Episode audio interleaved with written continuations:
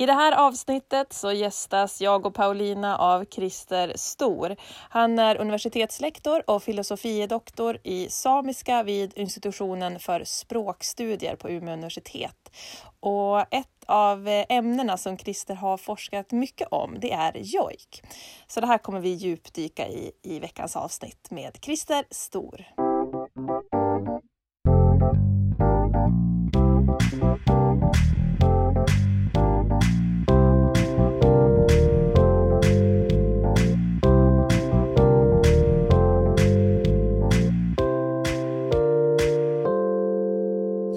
Men hur kom du då in på det här med att eh, forska om jojk? Ja, jojken har ju, kan jag säga, har ju alltid funnits sedan jag varit ganska liten. Eller liten, men från tioårsåldern. Så att, att, att jag var medveten om det. Men jag kan ju säga eh, eh att jag skulle börja forska om jojk det finns en, en eh, situation att det här var 1995. Så var eh, vi var ett gäng som var i Santa Fe på eh, alltså ett gäng samer som skulle vara med på en utställning All tradition is change där jag var med som dels som jojkare men också som akademiker. Och så var det eh, Pueblos som var närvarande. Alltså eh, infödda amerikaner, alltså indianer som har bott på samma ställe i flera tusen år. Alltså runt Rio Grande. Där Rio Grande rinner från norr till söder innan det blir en gränsälv. Mm. Och då skulle vi ut, då fanns det en kvinna som hette Esther Martinez. Och hennes Pueblo-namn var, se om jag kan säga, Saue. Jag får inte till det där ploppljudet. Ah. Eh, eh, så eh, så eh, ville, vi skulle ut och titta på, på så här hällristningar som fanns ute i öknen. Och hon var ju då långt över 80 år. Och, eh, och, men hon då var ju med och när vi stannar bilen, det här, då är det ju liksom ökenlandskap. Då, och, eh, vi, vi, gick där och så kom hon och tog min hand och så säger hon, och så vi gick där. Och jag blev som nästan eh, förälskad i henne. Hon, var, hon hade sån utstrålning. Så säger hon att, åt mig, hör du, ett folk som inte har sina berättelser, sina historier. Det är inte ett folk. Eh, och då i det fallet så insåg jag att ja, det är det jag vill göra. Alltså, alltså man måste se inte jojken bara som musik utan jojken som också en berättelse. Och att det finns så mycket just i själva berättandet i jojken. Och så då kan jag säga att vid just det tillfället så fick jag en sån där aha, att eh, det är det här jag vill. Och så började jag och sen disputerade jag på jojk så småningom. Men men det var då som fröet började gro lite grann på mm. vad det är det jag ville göra. Och det här att eh, jojk, eh, att det handlar om att berätta en historia. Om man bara tänker på liksom, musik i allmänhet så känns det som att det är sånt som musiker, alla musiker säger att nej, all, all konst handlar om, att, eller, handlar om att berätta historier. Om du tänker en eh, Håkan Hellström sjunger en, en låt om ungdomslivet. Vad är det som skiljer den typen av historieberättande musikaliskt från jojken? Det kanske inte eh, skiljer sig egentligen, men det är väl lite grann hur man berättar. Och jag tror att förmodligen är det det som gör Håkan Hellström så stor. Att, att han har den där berättande, att, att man känner sig närvarande, man förstår. Och du, det, till och med jag eh, kan också förstå honom. Det tog ett tag innan jag, som, innan jag fattade hans storhet. Ja, och nu ska jag ju inte prata bara om Håkan Hellström här. Han fick bli ett exempel. Ja, nej, men det är ett ja, bra men, exempel tycker ja. jag. Och att det behöver, alltså, jag brukar säga att den, jojken berättelsen, det handlar ju mycket om plats, närvaro, Eh, en historisk kontinuitet. Men också att jojken i och med det blir också ett juridiskt eh, dokument som, eller historiskt dokument som kan visa på att man har använt en plats i kanske århundraden. Eh, som visar på att den närvaron har funnits. Hur viktig är jojken i ditt fall? Nu har du ju det även som kan man väl säga karriärs... Det är, det är en del av din karriär men jag tänker personligt som människa. Hur viktig är jojken för dig? Ja, den är väldigt viktig. Och mycket blir ju också att jag tänker mycket i jojk. Och, och ibland så tar jag upp, man, man kan bara höra eh, någon, några toner eller någonting och så känner man, mm, och så kan man liksom bygga vidare på det. Och Mm. ibland blir det ingenting och ibland kan det bli någonting riktigt trevligt.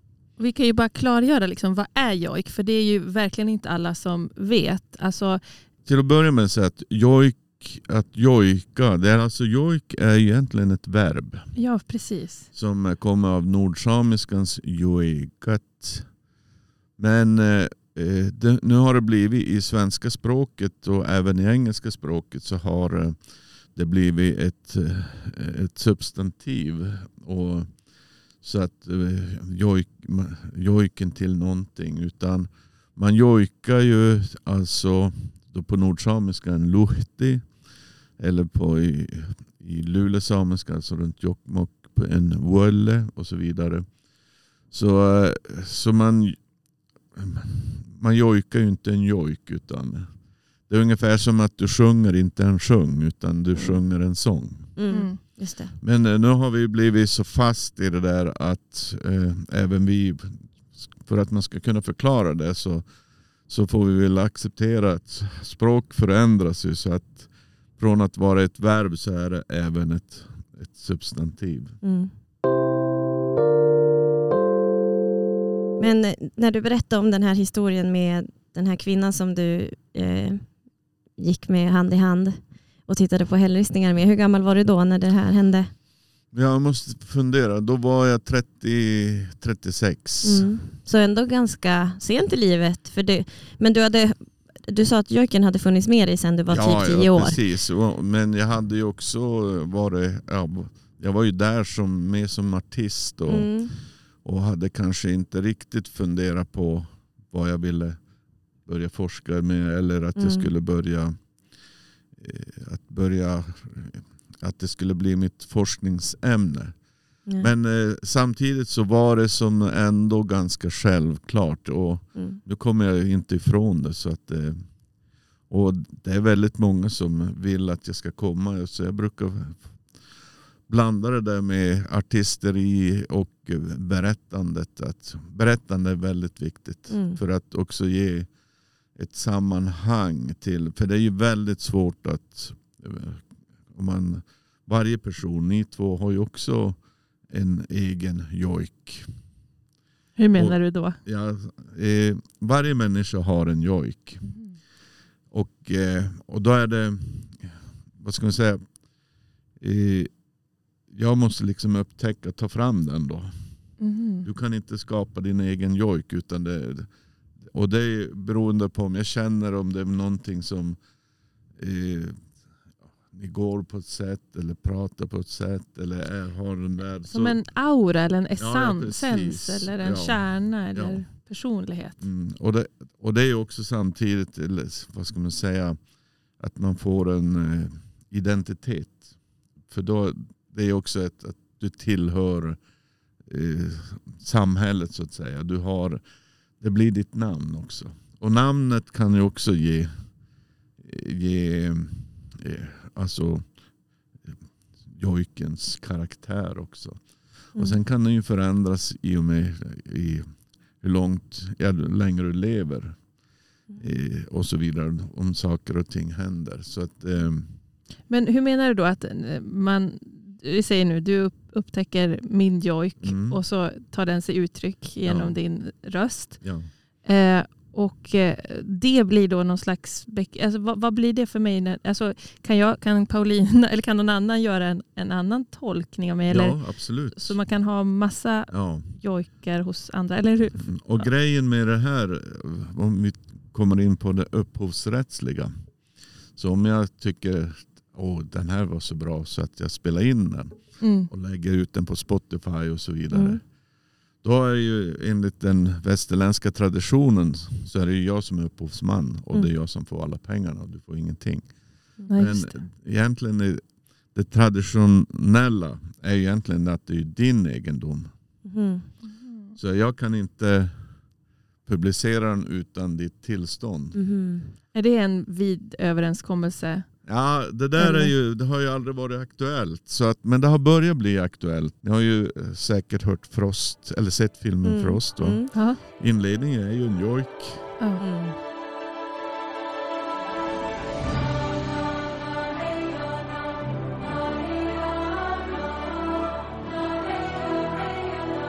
Men den är nyskapad eh, Okej. av Frode Fjällheim. Mm. Och, och då kan man ju verkligen fundera på, men lå- låt säga om det hade varit en traditionell. Och så, Mm. Den har spelat in väldigt, Ganska mycket väldigt pengar. mycket pengar. Så att, eh, han har ju tjänat enorma pengar. Mm. Men man vet ju aldrig. Vad Nej. tycker du om det då? Att, den, att han gjorde den jojken för Disney-filmen? Ja, det var Disney som kontaktade för han hade gjort en, ett stycke med eh, eh, blandat kör och jojk. Och eh, där han hade blandat in Härliger jorden. Mhm. Men inledningen börjar som en jojk och sen smyger den in i Härliger jorden. Den är fantastiskt vacker. Mm. Och det här hade Disney hört. Mhm. Men de ville ju bara ha med i början. Ja. Så de bad honom göra en, alltså en, Mm. en, då en Disney-jojk. Och, eh, Mm. Och det är ju bara att gratulera honom. Och Mm. Frost har ju i, de har ju även gjort samisk, med samiskt tal också. Så Disney har ju ställt upp väldigt mycket för just den, den samiska biten. Så Mm. det tycker jag har varit väldigt roligt. De har, de har jobbat på ett positivt sätt. Framförallt tvåan va? Det är väl där Ja, ja, ja det är Mm. tvåan Mm. då. Så Mm. att, i och med det är ju inte så det jättetydligt att det är samiskt. Men Nej. det framgår också om man förstår det. Men tvåan blev ju, jag har inte sett tvåan men jag, vet, jag känner ju till just Mm. att Mm. det, jag tror de hade premiären till och med uppe i, i Mm. Norge. Så. Mm. Ja, men för där tänker jag, jag håller också på med musik och har sjungit eh, ja, men sen jag var liten. Och alltså, nog skulle jag kunna säkert ge mig på att försöka härma en jojk, men för mig kommer det ju, antar jag, aldrig bli en jojk, utan det kommer bara vara melodier, både hur det låter och hur jag tänker det. Men för vad avgör vad, om det blir en jojk eller inte? Är det om man är same, då blir det en jojk. Eller förstår jag vad jag menar? Ja. Jag kan ju härma Mm. en same och lyssna och höra. Det är de tonerna och det är den klangen. Mm. Men det kommer aldrig bli en jojk på så sätt. Det är ju, alltså jojken går egentligen, det är ju en, två, kanske tre fraser i regel Mm. som repeteras om och om, om, om igen. Mm. Man kan liksom hålla på hela tiden. Eh, men eh, sen är det ju också eh, röstläget och så vidare. Och, men det, det är en jättebra eh, fråga som du ställer för Mm. man kan vända den också. Och många, många unga samer, alltså du har ju barn från fem, Mm. tio års åldern som är jätteduktiga och som eh, kanske också vill gärna vara, skulle vilja bli popstjärnor. Och så, så tänker de inte på, och då brukar jag säga så här åt åtminstone de som nu är så pass gamla så att de vet vem Beyoncé är. Mm. Och när hon sjunger Halo. Och det, du skulle ju kunna gö- göra jojk av det att eh, ja vad är det för skillnad? Jojkar inte hon då? Mm. Eller, och då, och då, det där är en sån där, det är inte så där jättelätt men det gäller att vara medveten om det. Mm. Jag vet ju på, för våran egen del, eh, när jag på 70-talet, jag växte ju upp då i, det blev ju, ska man säga, en slags eh, kulturrevolution bland samer då. Eh, Det hade väldigt mycket med andra saker som händer. Alltså hela civil rights movements i USA och sen kom även bland eh, American Indian movement och sådana här saker. Och, och det hände ju också bland samer också. Lite grann också med den här gröna vågen som kom eh, på 70-talet. Eh, så, så började ju vi som unga också att ja, man skulle jojka överallt. Det var liksom, jag var som inte med i själva vågen men jag var med, var med så ska vi säga, svansen av den. Och då, då fanns det ju till exempel eh, Kinks. Känner ni till eh, The Kinks som var jättestora på 60-talet? Nej, tyvärr. Det var de som började använda distade gitarrer. Jaha. Mm. Och de hade ju en låt som hette Lola. Mhm. Så de Lola, Lola, Lola, Lola, Lola.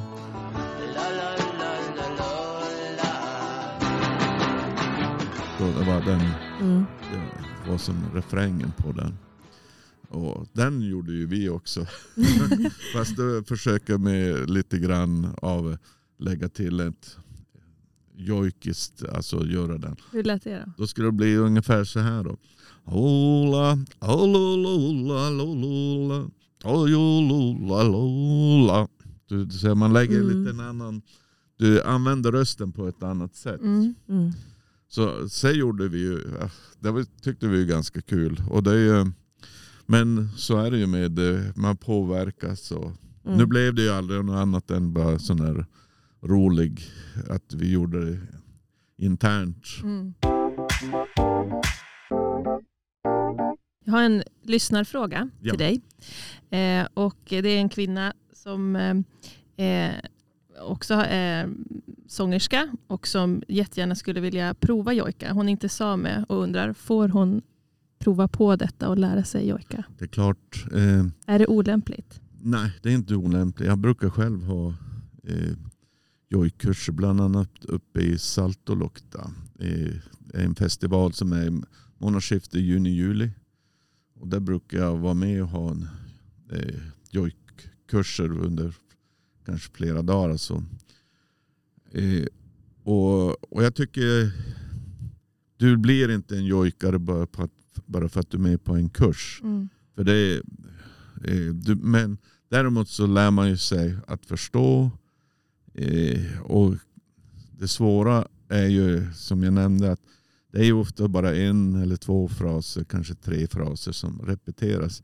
Den är egentligen så simpel så många gånger. att eh, Men det är det som gör den lite svår. att eh, Hur ska man kunna skapa liv i den? Mm. Och då måste ju du med din erfarenhet, du kan lägga in ett berättande eh, eller någonting som beskriver det. Mm. Och så att eh, eh, så, eh, så, jag, så jag, jag brukar ha kurser och tycker att det är klart att de kan få göra också.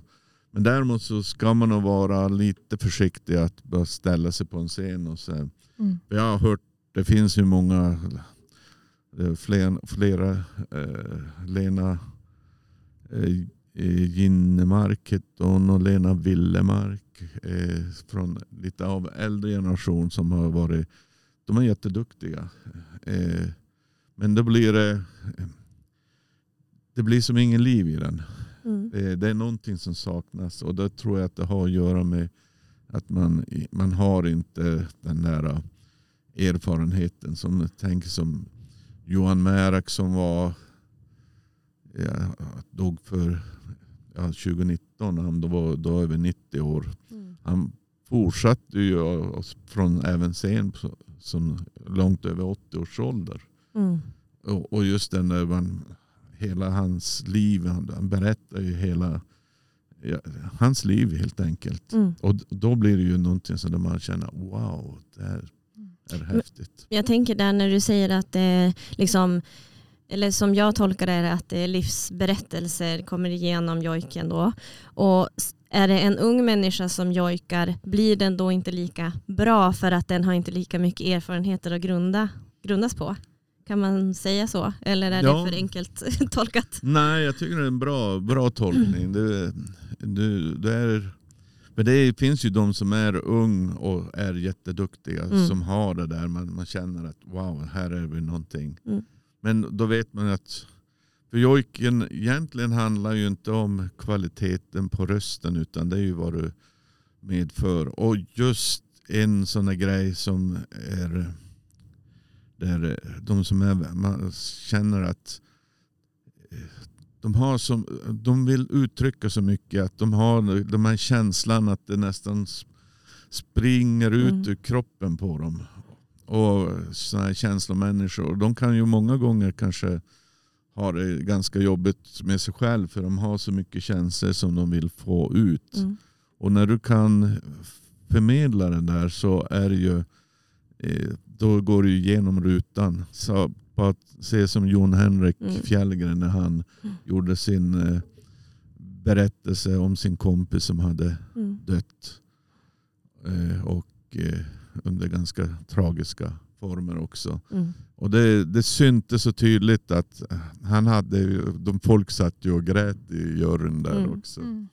Så, men där har du ju en ung person som, alltså mina ögon, ung fortfarande, Mm. men eh, eh, som kunde förmedla den där. Och, eh, och det känner man ju direkt. Mm. Och det, det har jag en ganska rolig, rolig eh, grej. Det var, det, det var inte Idol, det var någon annan talangtävling. Men i alla fall, eh, tv-programmet hade varit på tisdagen. Och jag skulle vara i Funäsdalen och ha en jojk-workshop med, eh, ja, det var från lågstadiet, mellanstadiet och även högstadiet då, på fredagen, tre dagar efter. Och när jag kommer dit så alla ungarna där, de jojkade redan hans jojk. Den hade liksom så här, Ja. jag tänkte så här, vad har jag här att göra? Ni har ju allting redan. Ja, Och, och då, hade det, då hade det bara gått några dagar och, Mm. och den, de kunde den. Ja. Det, var- det var Mm. fantastiskt. Mm. Vad häftigt. Men vad har jojken för roll i liksom, samhället eller i kulturen i Sverige idag? Alltså, är det, du, säger, du lyfter fram lite exempel att det har synts lite i, i media eller så här, i Idol och sådana program. Eh, är det up and coming? Eller? Ja absolut. Alltså, behöver kanske ta en slags historia här. Alltså, när, eh, det har ju varit väldigt stigma runt jojken. Men saker och ting började hända då på sex, slutet på 60-talet. Och, eh, och då var det som Nils Aslak Valkeapää också på samiska Ailohash gav ut en skiva, Joikuja. Eh, en vinylskiva. Och eh, den där slog ju an. Och alla, det blev väldigt stort. Och sen började saker och ting ske att vi, vi som var ung började liksom att vi måste lyfta upp, eh, inte bara jojk men även eh, just det där att vara samer. För det var så väldigt många som kändes för att vara samer. Många som, eh, vi är inte så stor skillnad på oss och andra. Så det var lätt att liksom gömma sig. Och det har ju skett alltså under lång tid. Men det börjar hända saker då. Och sen går det saker, det utvecklas mer och mer. Eh, och jojken var ju också en sån där identitetsgrej. Att, att, att, att använda jojken var viktigt. Och så kommer så här mediala grejer. Och, och, och nu ser man alltså fem, tioåringar hur duktiga som helst. Att, så det är absolut upcoming. Så att eh, det är inte någonting att det är bara de gamla utan eh, det är i den yngre generationen och jag tycker det är så härligt. Det är så roligt att Mm. lyssna på de här eh, ja, 5-20-åringar och en del är fantastiskt duktiga. Men det viktiga är ju inte att de ska vara duktiga utan att de gör det de gör. Alltså, Mm att de jojkar och tycker att det är häftigt. Och de vill göra det. För det har ju också en grej, i och med att om du kanske inte har språket så är det en väldigt bra väg in att lära sig ett nytt språk. För att eh, man kan ju jojka på svenska. Det är ju inget problem att använda svenska ord. Men åtminstone för mig känns det inte. Och jag tror att många också att då vill man använda de rätta orden. Och då måste man ju också lära sig att uttala dem. Att också, så det är en jättebra väg att eh, stärka språket. Mm. Hur mycket av det här, eh, den här skammen kring jojken finns eh, idag skulle du säga? Det är, det är ju en stor skillnad att alltså det är, överhuvudtaget att vara same så har det ju väldigt många som helt plötsligt, eller som, som vi vet att den personen är ju same men de har ju aldrig varit, varit samer. Det har ju Mats Jonsson som skrev eh, en bok. Alltså, han är inte unik. Det finns jättemånga som honom. Och nu har de ju insett, men de har dels kanske inte fått lära sig, deras föräldrar, eller de har liksom dolt det och så kommer det tillbaka och då finns det en iver att lära sig. Och då är det ju ja, dels att söka i det historiska men jojken kan också vara ett sätt för att de kanske finns eh, inspelade, deras nära släktingar och så vidare. Mm. Om vi eh, pratar lite mer om din forskning så läste jag på Umeå universitets hemsida att du har valt liksom Arvidsjaur och Arjeplog som dina fokusområden. Är det fortfarande så? Ja, på, på sätt och vis. Eh, på sätt och vis. Eh, för där finns så väldigt otroligt mycket material. Mm. Och just den här berättandet. Det finns, nu, det finns en hel del som håller på med jojkforskning så jag är inte ensam. Utan jag tror att det är nio stycken i, i världen som har disputerat på jojk. Och det, må, det finns ett stort intresse. Men ingen har riktigt brytt sig om just det området. Och det finns otroligt mycket samlingar mm. att, bara från det området. Så jag har tyckt det har varit väldigt roligt. För att eh, Eh, en del är ju sådana här fantastiska eh, i, i jojken också. Vi var inne eh, lite grann på att man jojkar inte om någon, men man jojkar någon. Och det är ju liksom att ska jag jojka dig så måste jag liksom bli, bli som du.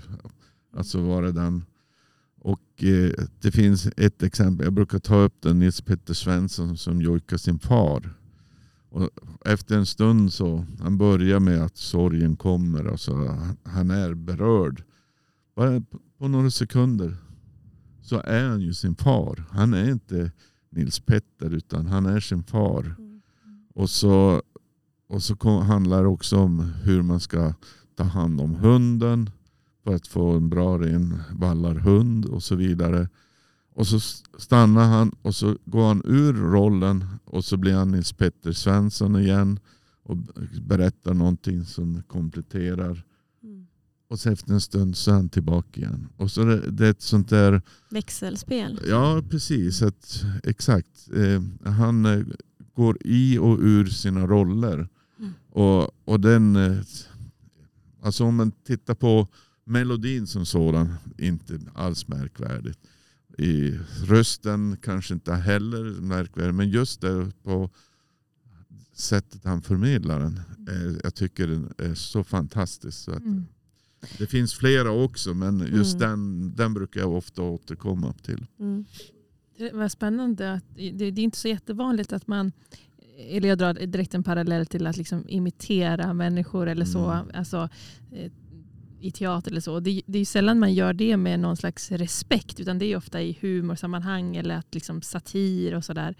Det låter väldigt intressant just det där att eh, liksom gestalta andra människor på ett, sånt, på ett respektfullt sätt. på något sätt. Men jag kan ju tänka om jag och du vore ovänner och inte tyckte om det. Ja. Då skulle jag kunna kanske lägga, lägga den aspekten Ja. i mitt framförande. För, dig för är som- det vanligt att jojkar inte... Alltså, för nu bara tog jag för givet att det var en hyllning. Men Ja. det kanske inte behöver vara. Nej, det, det kan vara, det kan också vara, det finns ju liksom den där subtila nyanserna som kanske inte alla riktigt förstår. Mm. Att, att, att det är det som är, och då kanske jag inte vill såra dig men jag ändå lite, kanske lägger in någon sån där liten grej att eh, som eh, du kanske förstår men inte Mm, du. mm, mm, men Mm. eh, eh, ja, så att det, det finns, om man skulle kalla det då nidvisor. Ja, Mm. precis. Det, det finns eh, en hatsång som, eh, som eh, och den, eh, om man tittar, den är alltså inspelad från över hundra år gammal. Mm. Och där står det liksom på anteckningen till vem det är. Och den är verkligen sådär man perkalan mokotan tovis och herkion oh no, din jävel. eh, du- Jag ska döda alla dina härkar. Oh no, Oj, man. okej. I tuolla baby i kytjan oh no, no, no.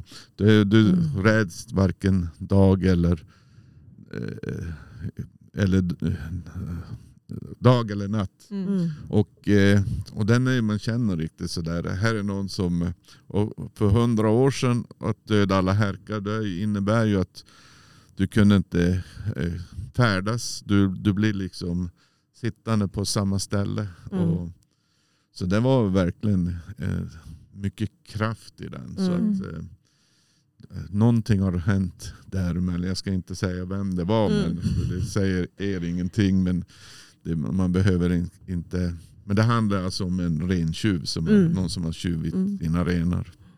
Alltså det som jag tycker låter väldigt fint när du beskriver och som jag känner finns inte i mitt liv. Det är ju det här som du, alltså den här, äh, nu vet jag inte om Nils Petters far inte levde längre. Nej, eh, för det var sorgen kommer för hans pappa hade gått hade bort. bort då. Ja. för jag tänker det finns ju egentligen inget sätt för mig att återminnas och återuppleva en människa som inte finns längre. Men då, det finns ju en, en väldigt fin eh, grej i det i, i jojken att man faktiskt kan få tillbaka känslan av en person. Det är en minneskonst. Exakt, Det för det blir inte bara att sitta och titta med fotoalbum utan man får en, annan, en känsla av Mm. en människa. Och man brukar säga också att så länge ens jojk lever Mm. så lever man. Mm. Och det där går ju egentligen väldigt långt tillbaka. Så man pratar om reminiscenser. Alltså Mm. tillbaka till en tid, alltså, om man jämför på, som på Island om man varit fredlös. Du tillhörde ju inte någonstans. Du var ju egentligen levande död. Mm. Och att eh, det går så långt tillbaka att det är viktigt att ha sin identitet och att man är jojkad, man tillhör samhället. Du, det, det blir en kommunikation att ja, men du tillhör oss, du, vi, vi, vi, vi, hör, vi hör ihop. Mm. Men om man då blir kanske negligerad då, då är du ju också död på sätt och vis. Mm. Att du, du lever inte längre på. Och det, är- det, han- det är också intressant eh, det här med synen på döden också. Mm. Att det, det handlar egentligen inte om om hjärtat eller hjärnan har slutat fungera utan det är ju när, när du är bortglömd. Mm. Och det återkommer många gånger. Jag har också varit med i, i ett projekt som med Karolinska eh, institutet då, som har ett projekt som heter Dö bra. Det, ett, en del av det här projektet handlar om alltså synen på döden från, i samiska där jag var, eh, jag var handledare för en som doktorerade. Och där framkom det alltså väldigt viktigt det här med synen på döden. Och, och att det finns någonting andligt utöver det. Det Mm. kanske inte just den där med att ja, nu begravs man och sen, utan det finns någonting viktigt. Och där kommer också jojken in som en del, att, som en minneskonst. Mm. Och det, det tycker jag det, det tycker jag är väldigt spännande själv. Just den Mm. här att det finns kvar mycket av det här. Och jag tror också, att då ska vi komma ihåg att jojken har ju varit motarbetad. Från, även från kyrkan men också från staten så att säga under lång tid. Och, eh, men ändå har den överlevt. Och Mm. jag tror att där har vi en av anledningarna till att det, det finns så mycket. Den går in så djupt i, i själen att eh, Mm. man kan liksom inte plocka bort den. Och, eh, och gör man det så då förlorar du mycket av, av det själv. Det fanns eh, en eh, man som Karl Terén från Jämtland som dokumenterade jojk då för hundra år sedan. Som spelade in, eh, spelade in eh, jojkar då från ja, hela, hela landet i princip. Mm. Och eh, han hade tre stycken jojkar tillägnade sig. Så att, eh, Och Han var inte same eller? han var inte same. Han var inte same. Och Mm. hur st- stor betydelse han Mm. hade. Mm. Jag kan ju berätta er för att jag har varit nu dagarna här på, i Jokkmokk och presenterat och förhoppningsvis så blir också Karl Theréns samlingar ett Mm. världsminne i Unesco. Mm.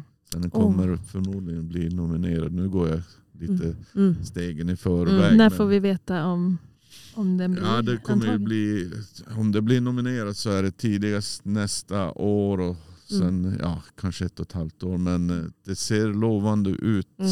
Ja, vi håller det- tummarna. Wow. Så det var väldigt kul att kunna, jag har ju Mm. varit med med Musikverket och Sametinget och presentera de här sakerna. Så att, eh, Då har du lyssnat på, på det som han har spelat in? Åh Då? absolut, Mm. hur mycket som Det helst. måste vara ett otro, en otrolig resa att få lyssna på alla dem. Ja det är ju Mm. det. det. Och just att det är över eh, de, hans inspelningar är mellan 1913 och 1915. Ja. Ja, det är länge sedan. Ja, Det är länge den här sedan. hatsången som jag gjorde Mm. är, är Mm. från det materialet. Okej. Här, här är en lyssnarfråga då. Ja. Från en, en musiker som är lite nördig som undrar, skriver man ner jojk i noter? Eller är det i huvudet? Ja, ofta man säger vem har skrivit den här låten? Och- Och det låter lite dumt men i, på samiska så sätter man, man, Mm. man bidjar Mm. Man, man sätter en, en jojk eh, och då blir det någonting annat. Och, eh, i, och det till exempel gjorde Therén men även andra som har samlat in så insåg de ju att ja, de noterade ju men insåg att nej men här, de här nottonerna ligger någonstans mitt emellan. Det passade inte in i, i det där notsystemet. Systemet, mm. Utan, och då blir det, ja men då satte de kryss att det, ungefär här ligger den. Ja. Mm. Så Och- det, går, det funkar inte helt att Nej, notera inte, på det inte sättet? Helt. Och, och det är väl det som är svårigheten för unga samer som är väldigt eh, musikaliskt skolad. Och Du Mm. som håller på med, Mm.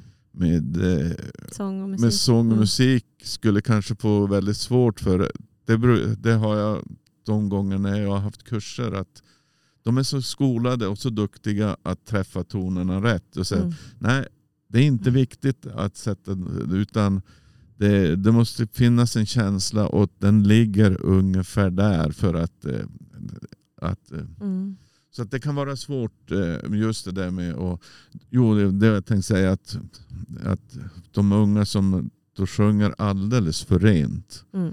eh, då, det är inte riktigt heller rätt. Så att, eh, och det där är ju också något svår grej att för oss att man, man är så van att om någon sjunger falskt och så Mm. känner man oh, det nästan går in i kroppen. att Men det måste man, om du bara gör det själv så är det, men så fort du lägger till några andra instrument då hör man ju det väldigt. Att, och då är det ju svårt att eh, ja, antingen får man acceptera, det finns sådana här hardcore jojkar som Mhm. inte anpassar sig till instrumenten. Mhm. Och det kan vara ibland jättehäftigt men ibland så känner jag även jag att Mm. oh, det,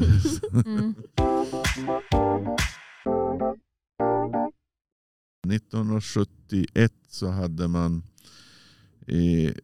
på Nordiska samerådsmötet, då alla samer i Nor- Sverige, Norge, Finland Eh, nu är även, Ryssland med sedan 92. Eh, men de hade ett så här statement eh, eh, som att vi är samer, varken mer eller mindre. Alltså det viktiga är att vi får vara samer och att vi fortsätter och att vi blir accepterade för att vara det. Och det är väl det egentligen det viktigaste i dagens samhälle som vi, vi blir ifrågasatta från vissa politiska partier till exempel att eh, judar och samer är inte riktiga svenskar och så vidare. Och sådana argument. Och då gäller det att vi måste också få vara det vi är och måste få bli accepterade för vad vi är. Tack Christer Stor för att du gästade vår podd. Och nu tar vi och lyssnar på Jojke, din ja. Jojk. Ja, men tack att jag fick vara här. Det var jättetrevligt.